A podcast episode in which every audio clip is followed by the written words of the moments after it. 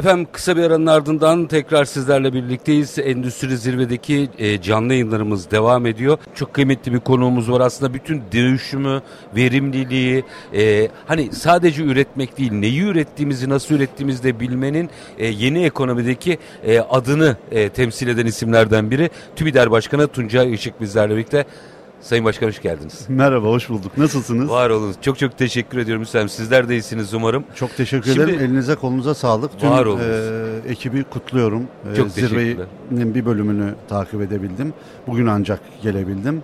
E, şahane. Etkinlik olarak çok güzel öncelikle.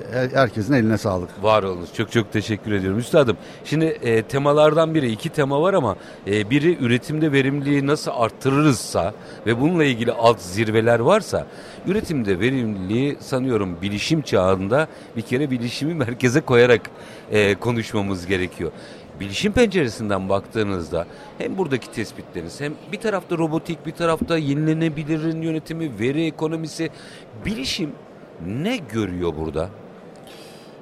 Şimdi aslında bir şeyin dışında değiliz artık. Yani merkezindesiniz. Her şeyin merkezindeyiz. Öyle bakmak lazım. Niye? Çünkü biraz önce söylediğiniz her şey ölçmeye ve değerlendirmeye dayanıyor ya. Neyi ölçüp ve değerlendireceğinizle alakalı. Yani bir verinizin olması lazım. Artık veriyi elle üretmeniz tabii ki mümkün ama imkansıza yakın. Evet.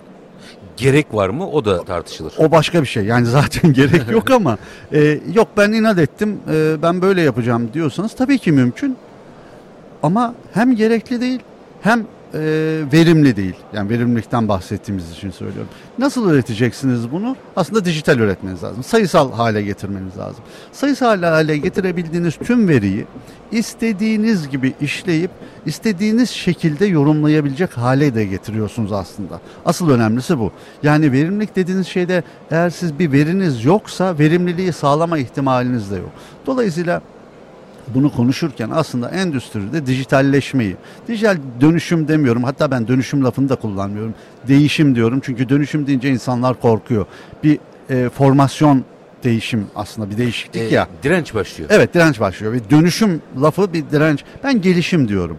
E, dijital gelişim dediğimizde de siz dijital e, gelişimi ya da yeşil e, gelişimi konuşmuyorum. Oraya varmadan bir kere dijitalleşmemiz lazım. Yani altyapıların sayısallaştırabiliyor olması lazım. Size gelen verinin tümünün sayısal hale getirilmesi. Şeye falan gitmedim. Ee, burada robotla ilgili zirveler var. Oraya falan gitmedim daha. Çok çok temeldeyim. Çok temelde bazı şeyleri eğer veri haline, dijital veri haline, sayısal veri haline getiremiyor isek yapacak şeyimiz yok.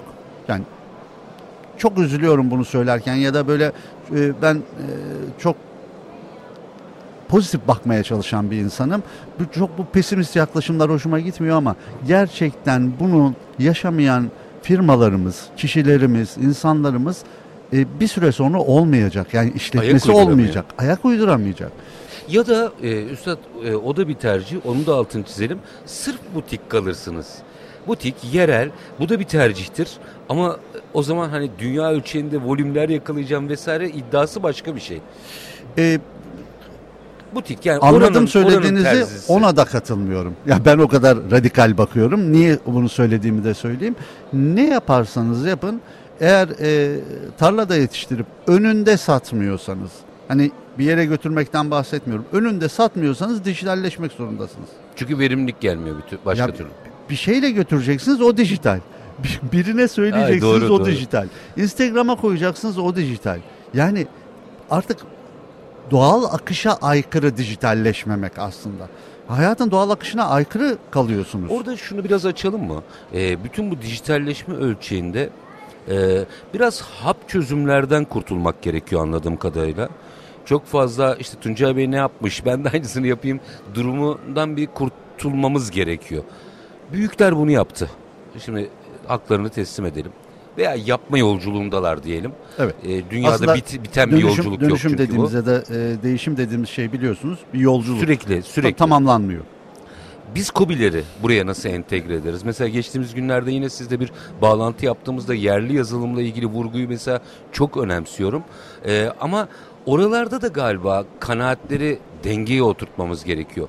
işimize ne yarıyor, biz ne yaptık, başkası ne yapmış gibi bir denge de oturtmamız lazım.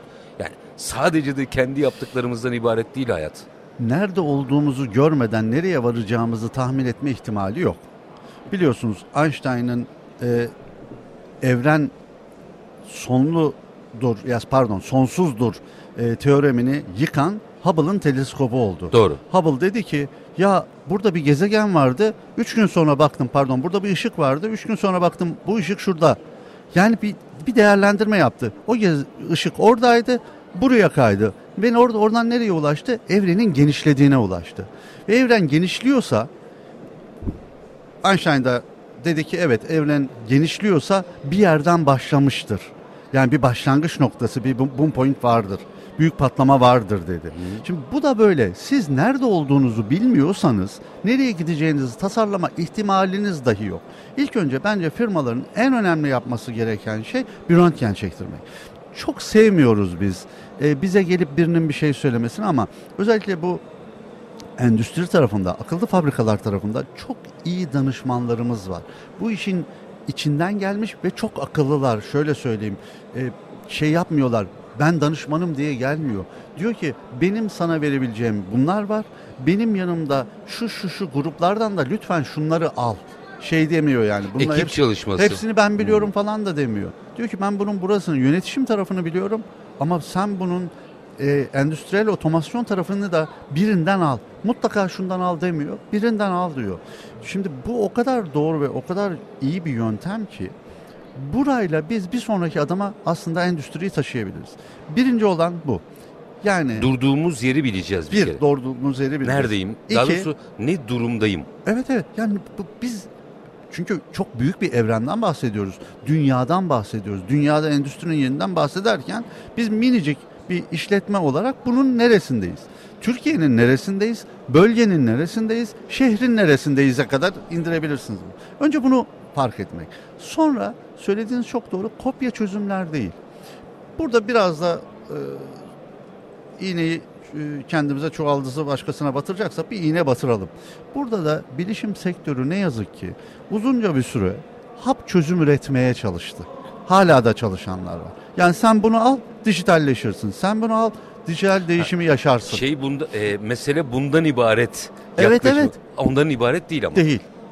Burada da doğrusu şu, mikro servislere bölebilmemiz lazım bizim bunları. Ve uzmanlaşıp mikro servislere bölüp bunları da gerçekten ihtiyacı olana ihtiyacı kadar vermek lazım. Yani adamın hiç kullanmayacağı, endüstride hiç kullanılmayacak bir şeyi paket içinde olduğu için satın alıyor. Hayır ya bunu bölelim. Modüler hale getirelim ve modül modül kullanıma açalım. Yani sizin neye ihtiyacınız varsa bu bütünleşik adaptasyonda onu alın ekstra bir şey almayın diyorsunuz. Ya da bütçeniz neye yetiyorsa şu an öncelik sırasında ilk üçü alın. İlk dördü ha, alın. Birdenbire de yüklenmeyin. Dün evet, paranız evet. yettikçe dönüşün. Ya bu arada bu bu süreç biraz önce söylediğiniz çok doğru bir süreç. Bitmiyor. Yani bir şeyin değişmesi lazım. Ee, insanların değişmesi lazım. Çalışanların değişmesi lazım. Yönetim kademesinin değişmesi lazım. Mesela dijital okur yazarlık konusu konuşuluyor geçen. Bir e, dostum dedi ki ya bizim ilkokuldan başlamamız lazım. Dedim ki hayır tam tersine bizim yönetim kurullarından başlamamız lazım. Çünkü, çünkü ilkokuldaki çocuk dijitalin içine doğdu zaten. Zaten onun acayip doğal biliyor. ana dili. Tabii acayip biliyor. Bizden iyi biliyor. Yani yaş aşağı düştükçe dijitalleşme oranı çok daha yüksek. Hocam durun. O kadar önemli bir yere vurgu yaptınız ki şimdi bu aslında meseleyi nerede kaçırdığımızı da gösteriyor. Biz hala eski anlayışımızla mesela eğitim metodolojisi kurgulamaya çalışıyoruz. Diyoruz ki ilkokuldan başlayalım. İlkokulda aşağıdan yukarı çıkalım diyoruz. İlkokuldaki biliyor zaten diyorsunuz. Bizim yukarıdan aşağı Tam inmemiz tersi, gerekiyor. Evet. Ve mesela bu endüstride e, dijital değişimin e, bana göre frenlerinden biri. Hatta bazen el freni de yönetim kurulu. Yönetim kurulu anlamıyor. Yani ben çok duydum bunu. Ne yazık ki çok duydum. Yönetim kurulunda dede, baba, torun çalışıyor. Torun zaten işe ikna, işe ikna ve e, danışmanı getiriyor. Gel hadi burada bunu konuş diye. E, danışman geliyor, baba dinliyor. Dede sürekli kaça vereceksin bunu diye soruyor. Çünkü e, o zamanın ekonomi metodolojisi her ikisinde de evet, bu. Evet, ne yazık ki böyle. E, yani şimdi biraz önce bir e, etkinlikteydim. Dostumun biri dedi ki ya biz enflasyonist döneme alışkınız. Ben dedim ki hayır. O dönemle bu dönem arasında inanılmaz fark var. Çünkü bizim yaşadığımız enflasyonist dönemde stok diye bir şey vardı ve para ediyordu. Yani siz ürüne paranızı yatırıyorsanız bizim o dönem beyaz eşya dükkanımız vardı Tabii. abimlerim biliyorum. Kendiliğinden Ya, değerini bulurdu. Şey yapıyorlardı. e, evlenecek çocuğu olanlar gelip buzdolabını alıyorlardı. Bizim depoda duruyordu. Adam daha evlenmemiş. Önceden alın. Anlatabildim mi? Yani ben taksitlerini ödeyeyim de evlenince de buzdolabı. Şimdi siz herhangi iki sene sonra ya da bir sene sonra kullanacağınız herhangi bir şeyi şu an alır mısınız? E, ürün aynı değil ki. Her an değişiyor. Her an yenileniyor. Dolayısıyla stoğun değeri kalmadı. Şimdi stoğun değerinin olduğu bir enflasyonist ortamdan stoğun değerinin olmadığı bir enflasyonist ortama geçtik. Ne oldu? Enflasyon bu sefer direkt cebi etkilemeye başladı. Eskiden bir şey alıyordunuz kazançtı. Şimdi bir şey alıyorsunuz kazanç değil. Şimdi bunu niye anlattım? İki dönem arasındaki farkı anlatmak için. Aslında yönetim kurullarında eskiye dair bilgilerin de tazelenmesi, değişmesi lazım. Biz de Yani çok meseleleri durağan ekonomi dönemleriyle okuyamayız Evet. diyorsunuz. ve 30 yıl önceki ekonomi dönemiyle, ekonomik durumla bugünü yorumlamak mümkün değil. Dolayısıyla da bizim hızlıca sadece dijital değişim değil, e, mental değişimi yaşayıp aşağı indirmemiz lazım. Hocam e, virgül atayım. Lütfen. E, normalde 15-20 dakika sizi bir bölüm daha tutacağım ne olur bunu biraz açmak istiyorum. Biliyorum burada e, gideceğiniz yerlerdir ama bir bölüm daha ayırın bize ne olur. Seve Çünkü e, tam bu aşamada bir firmanın stratejisi ne olmalıyı konuşmamız gerekiyor. Çünkü ekonomi değişiyor, ortam değişmiş vaziyette. Eskiden 20 yıl, 30 yılda bir değişenlerin senelik dilimlerde değiştiğini görüyoruz. O zaman burada strateji ne olmalı? Birazcık da bunu açalım. O yüzden sizi bir bölüm daha e, burada esir edeceğim. Estağfurullah. Var olunuz. Şimdi kısa bir ara efendim. Aranın ardından TÜBİDER Başkanı Tuncay Işık'la Endüstri Zirvesi'nden gerçekleştirdiğimiz canlı yayın devam edecek. Lütfen bizden ayrılmayın. Endüstri zirvelerinde canlı yayınımız devam ediyor. Kıymetli bir konumuz var. TÜBİDER Başkanı Tuncay Işık bizlerle birlikte. Şimdi üstadım tam araya giderken aslında e, formülü koydunuz. Bir kere bu işi bakış açısıyla ve emek vererek yapmamız gerekiyor. Evet birilerine sormalıyız, danışmalıyız ama yolculuğu biz yapmalıyız. Evet, de- devir teslim yok burada. Yaşayın. Yani Şimdi- ben ben bunu e, sana devrettim. Hadi sen yap. E, doğru bir yöntem değil. İkincisi sizin içinde olmadığınız bir dönüşümde siz de dönüşemiyorsunuz. Çünkü e, anlamıyoruz o zaman. Evet. Yani işin dışında kalarak hadi siz dönüşün ben de kenardan bakayımla olacak iş değil. Bunun yani her işte böyledir bu. Bir proje yapıyorsanız biliyorsunuz sponsorluk diye bir Tabii. kavram vardır. Biz sponsorluğu sadece para olarak kullandığımız için e, bazen kavramlar karışıyor. Şöyle ifade edelim. Sponsor o işin sorumlusudur şirket içinde. Mutlaka en üst düzeyde olması gerekmez ama etkili ve yetkili. Ben ikisini de kullanırım. Sadece yetkili olması yetmez. etkili etkisi de olması. olması lazım. Etkili olması yetmez. Yetkisi de olması lazım. Etkili ve yetkili bir yöneticinin işin başında olması lazım. Ona da herkesin biat ediyor olması lazım. Bu yönetici genel müdür yardımcısı olabilir. Hatta direktör olabilir. Ama o direktöre patron dahil herkesin biat ediyor olması lazım. Yani onun söylediklerini yapıyor olması lazım. Bu arada ben e, naçiz şunu söyleyeyim. Buradan böyle ahkam kesiyorum. Ben bildiğimi değil, bilinmesi gerektiğini düşündüklerimi söylüyorum. Yoksa şöyle olur. Ya bunu böyle yapın, şunu şöyle yapın değil. Sadece naçiz fikrim herhangi bir firma dijital dönüşüme giriyor ise ilk önce otursun, nerede olduğuna baksın. Ee, bu eğer patron şirketi ise yani bir aile tarafından ya da patronlar tarafından yönetiliyorsa onlar önce kendileri bir kendilerini e, nerede olduğunu görsün. Onlar ne kadar dijital, onlar ne kadar hazır, onlar e, firmalarını nerede görüyorlar. Çünkü e, herkes çocuğunu en iyi çocuk görür, Yaşayın. en efendi çocuk görür, en terbiyeli çocuk, en akıllı çocuk Kuzguna görür. yavrusu Evet meselesi. çok doğal. Dolayısıyla sizin firmanızda o firmalar içinde en iyilerden biri görünüyordur. Gerçekten böyle mi? Bu arada olabilir de. Ve dijital dönüşüm tarafında ne kadar hazır? Ne oluyor? Ne bitiyor? Ben ne kadar hazırım demesi lazım yöneticinin. Bütün Ondan bunları- sonra başlıyor çok biraz özür iş. Ta- tam atıfta da bulundunuz oradan açayım. Bütün bunları e, o dönüşümün gerektirdiği veya gelişimin gerektirdiği teknolojileri satın almadan, firmaya e, sokmadan önce galiba yapması gerekiyor değil mi? Birinci iş. Yani geri kalanın hepsi e, alet. Yani siz eğer kafanızda onu nasıl yapacağınızı düşünmediyseniz aldığınız hiçbir alet size onu yaptırmaz. Zaten biraz önce konuştuğumuz sorunlar bu ya. Bir alet seti getiriliyor. Bunun yazılım, donanım vesaire olması bir tarafa. Bir alet seti getiriliyor ve deniyor ki bu alet seti sizin işinizi görecek.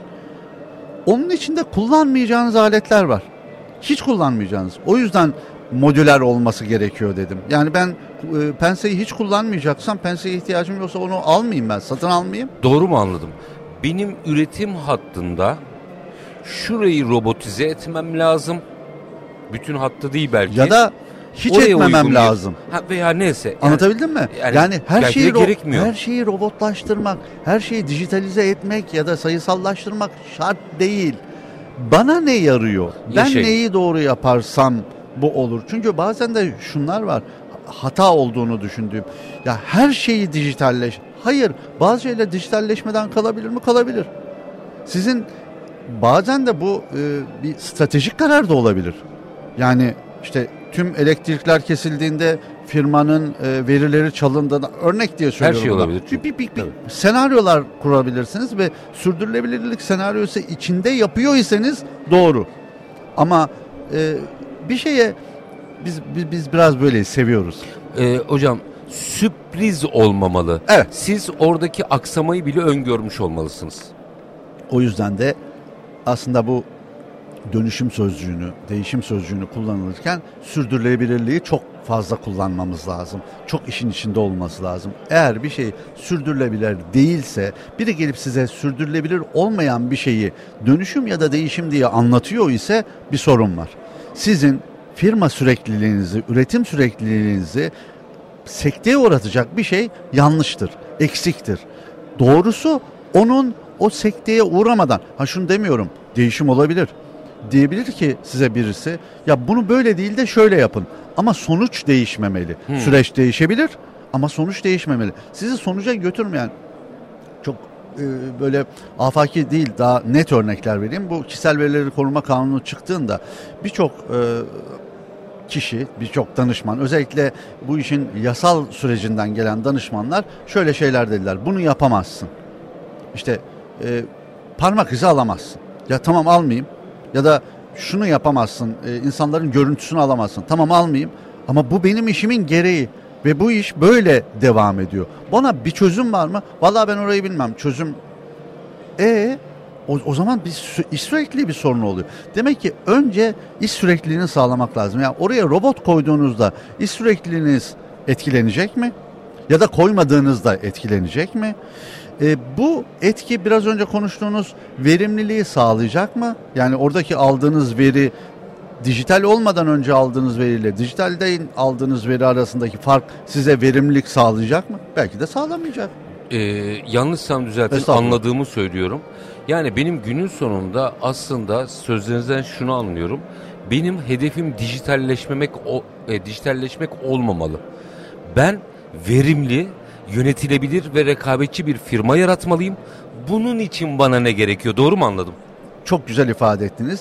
Dijitalleşme sadece yine bir alet, bir cihaz, herhangi bir şey olabilir ama bana ne faydası olduğunu çıkarım. Bu arada bazı şeylerde yani oraya bir tane de e, şerh koyacağım. Alternatifsizsiniz. Şimdi dijitalleşmeden de bir yere ulaşmak artık alternatif dışı. Tabii tabii. Ana hedef Ama- olmamalı. evet. Doğru anladım Ya, değil tabii mi? tabii. Ya biz Bu bir vasıta. E, kimden dinlediğimi hatırlamıyorum. Şöyle bir şey var. E, galiba e, Üstün Dökmen Hoca'nın. e, Ha, Üstün- Selam olsun. Ga- eyvallah. E, Üstün Dökmen Hoca'dan galiba ondan dinlemiştim. E, şey diyor tulumbacı kavgası diye bir şey var. Hmm. Tulumbacılar yangına giderken biliyorsunuzdur. Tulumbacılar aslında bir meslek grubu değil. Yani Her meslek grubunda gönül, Evet gönüllülerdir. çünkü e, onlar şey yapıyorlar buluşuyorlar e, yangın çıktığında tulumbayla gidiyorlar. O yangını söndürüyorlar ve bazı İşlerini bahşişler ödüyorlar. alıyorlar. Şimdi o bahşiş alma işi öyle bir hale geliyor ki bir dönem e, bir dönem tulumbacılar koşarken başka tulumbacılarla karşılaşınca yangını ilk kim söndürecek diye birbirleriyle kavga ediyorlar. Bahşiş kavgası var. Evet. Ne oluyor? Yangın sönmüyor. Yangın sönmüyor.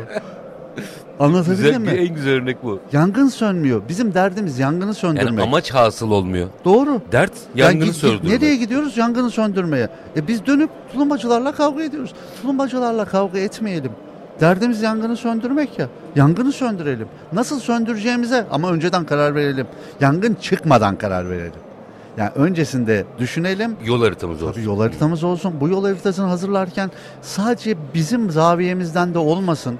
Yani bizim baktığımız yeri görüyoruz ama bizim baktığımız yeri görmeyen, bizim baktığımızda göremediğimiz zaviyeleri de bize verebilecek insanlarla çalışalım, danışmanlarla çalışalım.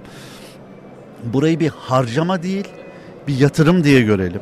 Yani bu evet bir harcama yapıyorsunuz ama yatırım yapıyorsunuz. Sizin iki sonraki, üç sene sonraki yatırımlarınız geri dönüşleriniz gibi düşünmek lazım. Nasıl öyle değil midir endüstrilere? Bir, bir tane makine alırsınız. Aldığınızda o cihaz çok pahalıdır ama üretim sürecinde aslında siz amorti eder. amorti eder.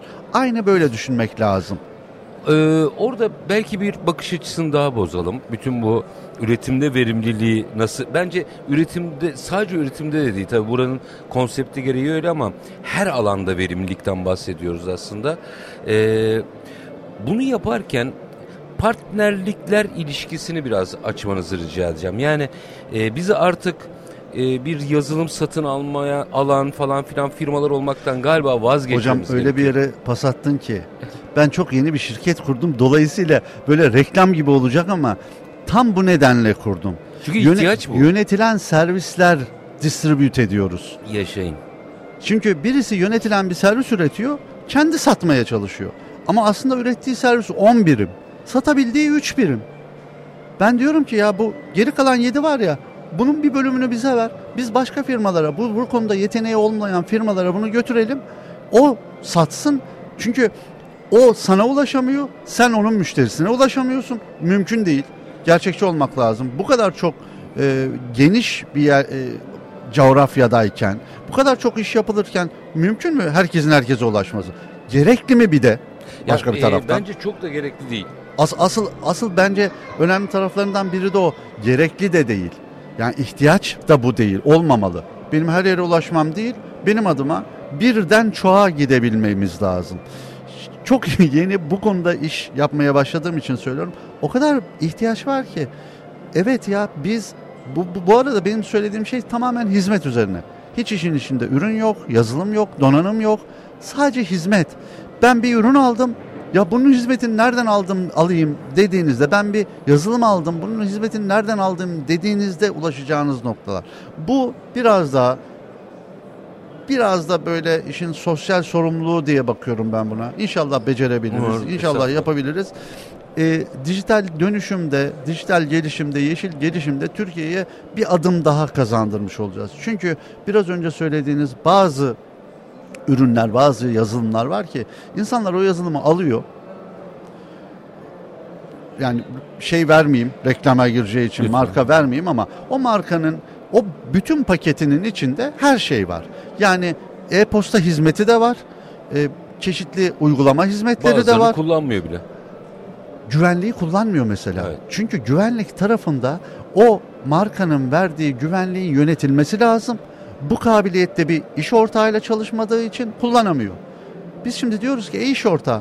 Bak, Bunu yap. Bunu yapan bir bizim e, üreticimiz var. Hizmet üretiyor ve bu hizmeti üretiyor. Al bu paketi son kullanıcıya sat. Onun da güvenliğini sağla. Yani aslında KOBİ'leri birbirine entegre etmekten Gibi. bahsediyoruz. Gibi. Orada e, yine boyut açalım diye söylüyorum. Çünkü madem burada bir dön- e, değişimi konuşuyoruz. Biz dördüncü sanayi devriminden bahsediyoruz. E, şöyle bir tez ortaya atmıştım ben. Değerlendirmenizi isterim. E, yazılım satın almayın. Bilişim satın almayın. Sizin tıpkı başınız ağrıdığında nasıl bir doktorunuz varsa hukuki bir e, meseleye imza atıyorsanız nasıl avukatınız varsa sizin yazılımcılarınız, bilişimcileriniz vesaire olsun. Ömür boyu süren ilişkilerden bahsediyorum. Galiba buraya gelmemiz gerekiyor artık ne dersiniz? birebir katılıyorum. Ee, belli büyüklüğün üstünde olmayan firmalara, daha doğrusu her firmanın oransal olarak bunu e, dış kaynak olarak kullanması gerektiğini düşünüyorum. Yani biri hukuk bürosu kullanır, biri avukat. Evet, Bu kadar evet. basit. Yani belli büyüklükte değilseniz asıl işinizin içinde belli büyüklüğe ulaşmıyorsa bunu yapmayın. Bunu kiralayın. Bunu tabii regülasyonlar şu an çok uygun değil her şeyi yapmak Ama için. dönecek yani oralara gidecek. Ama biz yapmadan da regülasyon gelmiyor. Ne yazık ki Türkiye'de biz e, yasa tarafını e, şeyin arkasında gerçekleştiriyoruz. İşlemlerin arkasında Reel geliyor. sektör daha hızlı koşuyor. Evet. Yani hepimiz bu arada tüm sektörler Burada önde dünyada da öyle fena değil. Reel sektör çok çok daha hızlı koşuyor. garip değil tabii. Evet. Yani e, Elon- Musk e, biliyorsunuz Tabii, tabii. şeyi e, Starlink'i çıkardığında dünya birbirine girdi. Yani Nasıl yapılan- olacak yani diye. nasıl yapılacak diye. Evet. Yani, Sonra mevzuatlar, Evet, regülasyonlar çok, geldi. Çok doğal. Çok geri kalmadan yapmamız lazım. Bir de geçenlerde yine bir toplantıda çok benzer bir şeyi konuştuk. E, bu görülüyor. Yani bir sonraki adımı görüyoruz değil mi? Şimdi yapay zeka ile ilgili yasaların hemen artık konuşuluyor olması lazım. Hemen konuşuluyor olması lazım. Sağ olsun e, İstanbul Barosu hukuk, hukukçuları yapay zeka tarafında bayağı çalışıyorlar. Bunu bir an önce yasalaştırmalar lazım. Hatta Avrupa belli normlar oluşturdu şimdi kurallar getiriyor. Gidip onların hangisi bize uyuyor hangisi uymuyor bir e, Değil mi? fikir, Yani te- bir, bir süre sonra bir lazım. süre sonra aynı yola gireceğiz. Nasıl KVKK'da GDPR'ı takip ettiysek İki keza. yani bir yerde bir yerde o yola gireceğiz. Şimdiden başlamakta aslında çok büyük fayda var. Buna yüzde yüz katılıyorum. Ee, kiralayabildiğiniz ve asil işiniz olmayan her şeyi kiralayın. Birkaç nedenden. Bir, sermaye yatırmayın. Yani başında gereksiz bir sermaye yatırmayın. İki, istediğiniz zaman değiştirebilme imkanınız olsun. Ben vazgeçtim senden deme imkanı. Çünkü öyle varlıklar satın alıyoruz ki değiştirme imkanımız Elbette aynen öyle. ortadan kalkıyor. Yani artık değiştirilemez hale geliyor. O yüzden değiştirme imkanınız olsun. Üç, bu işi iyi yapana doğru, yani değiştirme imkanı beğenmediğinizden değil, iyi yapana doğru da Uyumsuz olabilir tabii. Çünkü artık daha iyi yapan biri varsa ona geçme imkanınız olur. Bir de galiba şöyle bir durum da var. Ee, asıl işiniz o değilse o teknolojiyi, o gelişmeleri e, o kadar takip... Yani Mümkün nasıl değil tabii. e, mali müşaviriniz mevzuatı e, adım adım takip eder. E, sizin işiniz tekstilse e, işi o olanla çalışmak daha mantıklı. Mutlaka. Yani bir tekstilcinin ya ben verimi nasıl korurum diye düşünmemesi lazım. Bunu birine devretmesi lazım. Orasının bunu düşünmesi lazım. Ve Türkiye'de bu konu oldukça iyi yapılan bir konu. Özellikle biz ne kadar göze batıyor bilmiyorum. İnsanlar çünkü bazı şeyleri kullanıyorlar. Hepimiz öyleyiz. Kullandığımız için normalmiş gibi geliyor. Ama yurt dışına çıkıp, yurt dışında yaşayıp diyeyim, çıkmak de, de yanlış oldu. Yurt dışında yaşayan arkadaşlarımızın birçoğu diyor ki, ya burada bankacılık çok Ya kötü. gidip bir ATM'den para çekin de görün Her şey farkı. kötü. Her şey kötü. Bizde nasıl? Biz uçuyoruz. E, bu aksine orada bir aksilik olduğu zaman kızıyoruz. Ya Çetin Bey inanamazsınız. yani? Tabii canım. Yani bir, ufak bir gecikme yaşadığı zaman ortalığı birbirine katıyoruz. Çünkü iyisini gördük. Doğrusu bu. Dolayısıyla biz bunu doğru yönettiğimizde neler olduğunu da gördük. Yani biz bu konuda iyiyiz. Türkiye'de bilişim sektörü gerçekten bu konuda iyi. Ya eksiklerimiz var mı? Var. Tabii ki var. Ee, üstadım o çok normal. Çünkü hala hazırda dünyada gelişen bir işten bahsediyoruz. Tabii. Eksik yoksa bir sıkıntı var demek. Zaten Dönüşüm eksiğimiz yok demektir. demek ya çok güzel bir sözdür. Ben çok sevinirim. Oldumla öldüm arası dört noktadır. yani Yaşayın. Ee, ya peki sürenin sonuna doğru geliyoruz ufak ufak ama e, orada şunu sorarak yani en azından bir mesaj verelim. Diyelim ki bugün şu anda endüstri zirvelerindeyiz. Ki keza bence eş zamanlı gerçekleşen depreme dayanıklı binalarda da veri, e, dijitalleşme, yeni teknolojiler orası da ayrılmaz bir parça. Ben bir firmayım ve TÜBİDER Başkanı Tuncay Işık'ı dinliyorum. İlk neyimi bozmam lazım? yıkmanız gereken şey bir kere gittiğiniz yoldan e, sapmamanız gerektiğini söyleyebilirim. Yani o onu şöyle bir şey değil. Ya bırakın her şeyi artık dönüşün falan değil. Tam tersi. Gittiğiniz yolda gitmeye devam edin. Nasıl bu dönüşümü siz kendi cihazlarınızda, kendi arabanıza, yani kişisel o cihazlardan bahsediyorum. Şu an e, ben cep telefonunun ikinci e, bir önceki neslini kullanan, üç, bir iki önceki neslini kullanan çok insan tanımıyorum. Evet. Kendi otomobillerinde e, harita kullanmayan çok insan tanımıyorum. Kendi otomobillerinde hatta otonom araç kullanmayan çok az. Elektro, elektrikli araç kullanan çok fazla. Bunların hepsinde kişisel dönüşümü yaşamış insanlar. Hatta evinde içerik üreten birçok e, cihaz kullanan insanlar kendi işlerine geldiğinde bunları nasıl yapacaklarını bilmiyorlar. Çünkü B2C'ye göre B2B biraz daha emek isteyen bir şey. B2C biraz daha kolay. Biri geliyor size telefonu gösteriyor. Zaten size göre uyarlanmış, kişiye göre uyarlanmış. Siz bir ufak dokunuşlarla onu oluyorsunuz. Çok hızlı adapte oluyorsun. Otomobil de aynı. Şuraya bas harita çıksın, gideceğin yere yaz git diyor. Ama B2B'de bu böyle değil. Yani İş daha doğrusu işte veya, evet, oraya geldiğinde Ee, daha iş yerine girdiğinde daha özelleştirmek gerekiyor. Bu daha özelleştirmeyi bir bunun böyle olacağını düşünsünler. Yani ilk önce düşünmeyle başlıyor. Eğer düşünmeden bir şey yaparsanız hepimizde aynı hata olur ya. Düşünmeden bir şey yapmayın. İkincisi düşündüğünüzü siz ne düşünürseniz düşünün tek beyinsiniz. Lütfen hem aslarınıza varsa üstlerinize ve çevrenize lütfen danışın. Ve çok kişiye danışın. Yani bu şunu demek değil. Herkese sorun. Evet herkese olabildiğince çok kişiye sorun. Ve onlardan bir özet çıkarın kendinize. O özeti de oturun bir danışmanla, güvendiğiniz, inandığınız birkaç insanla paylaşın ve o yolda bir harita çizin. Ama bu haritada değişmez bir harita olmasın. sorgulanabilir olsun. Evet. Yani bu harita 10 adımdan mı oluşuyor? Her adımda dönüp sorgulayın. Ya ben bunu doğru mu yaptım? Bir sonraki adım evet niye bunu söylüyorum biliyor musunuz? Siz 6 ayda birinci adımı geçtiniz. 6 ay içinde işte Dünyada ör- ne örne- değişti? e- örnek söyleyeceğim size. Ee, siz bundan 13 ay önce bir ya da 20 ay önce bir iş yaptınız. Sonra ChatGPT çıktı. Çıkmadı daha doğrusu gelişti Bütün formül değişti. bambaşka bir formüle geçtik değil mi? O yüzden 6. ayda durup o yola tekrar bakmak lazım. Doğru yolda mıyız? Ya yok hedefte demiyorum lütfen yanlış anlamayın. Yolculukta. Hedef, hedef aynı. O yol hangi yolu kullanmamız gerektiğine karar vermemiz lazım. Belki yolu çok kısaltacağız. İşte yapay zeka birçok şeyi çok kısalttı. Yok Yol- etmedi, çok kısalttı. Şunu anlıyorum. Yolculuğunuzun navigasyon düğmesine basın. ne güzel söylediniz Ama ya. gideceğiniz yeri de evet, unutmayın. Evet. Müthişsiniz. Ee, TÜBİDER Başkanı Tuncay Işık. Üstadım çok çok teşekkür Ben çok ediyorum. teşekkür ederim. Ee, sağ olun. sizi bu e, dolaşmadan ve incelemeden birazcık alıkoydum ama verdiğiniz bilgiler dinleyicilerimiz açısından bence çok önemliydi. Özellikle en sonda söylediğiniz yola bakış, yol haritasına bakış bence çok kıymetliydi. Çok çok teşekkür Ben ediyorum. çok efendim. teşekkür ederim. Ee, derler ki yol açık, yol açık. Bence bu sloganla gidelim oraya. Efendim endüstri zirvelerinden canlı yayınlarımız devam edecek. Kısa bir ara lütfen bizden ayrılmayın.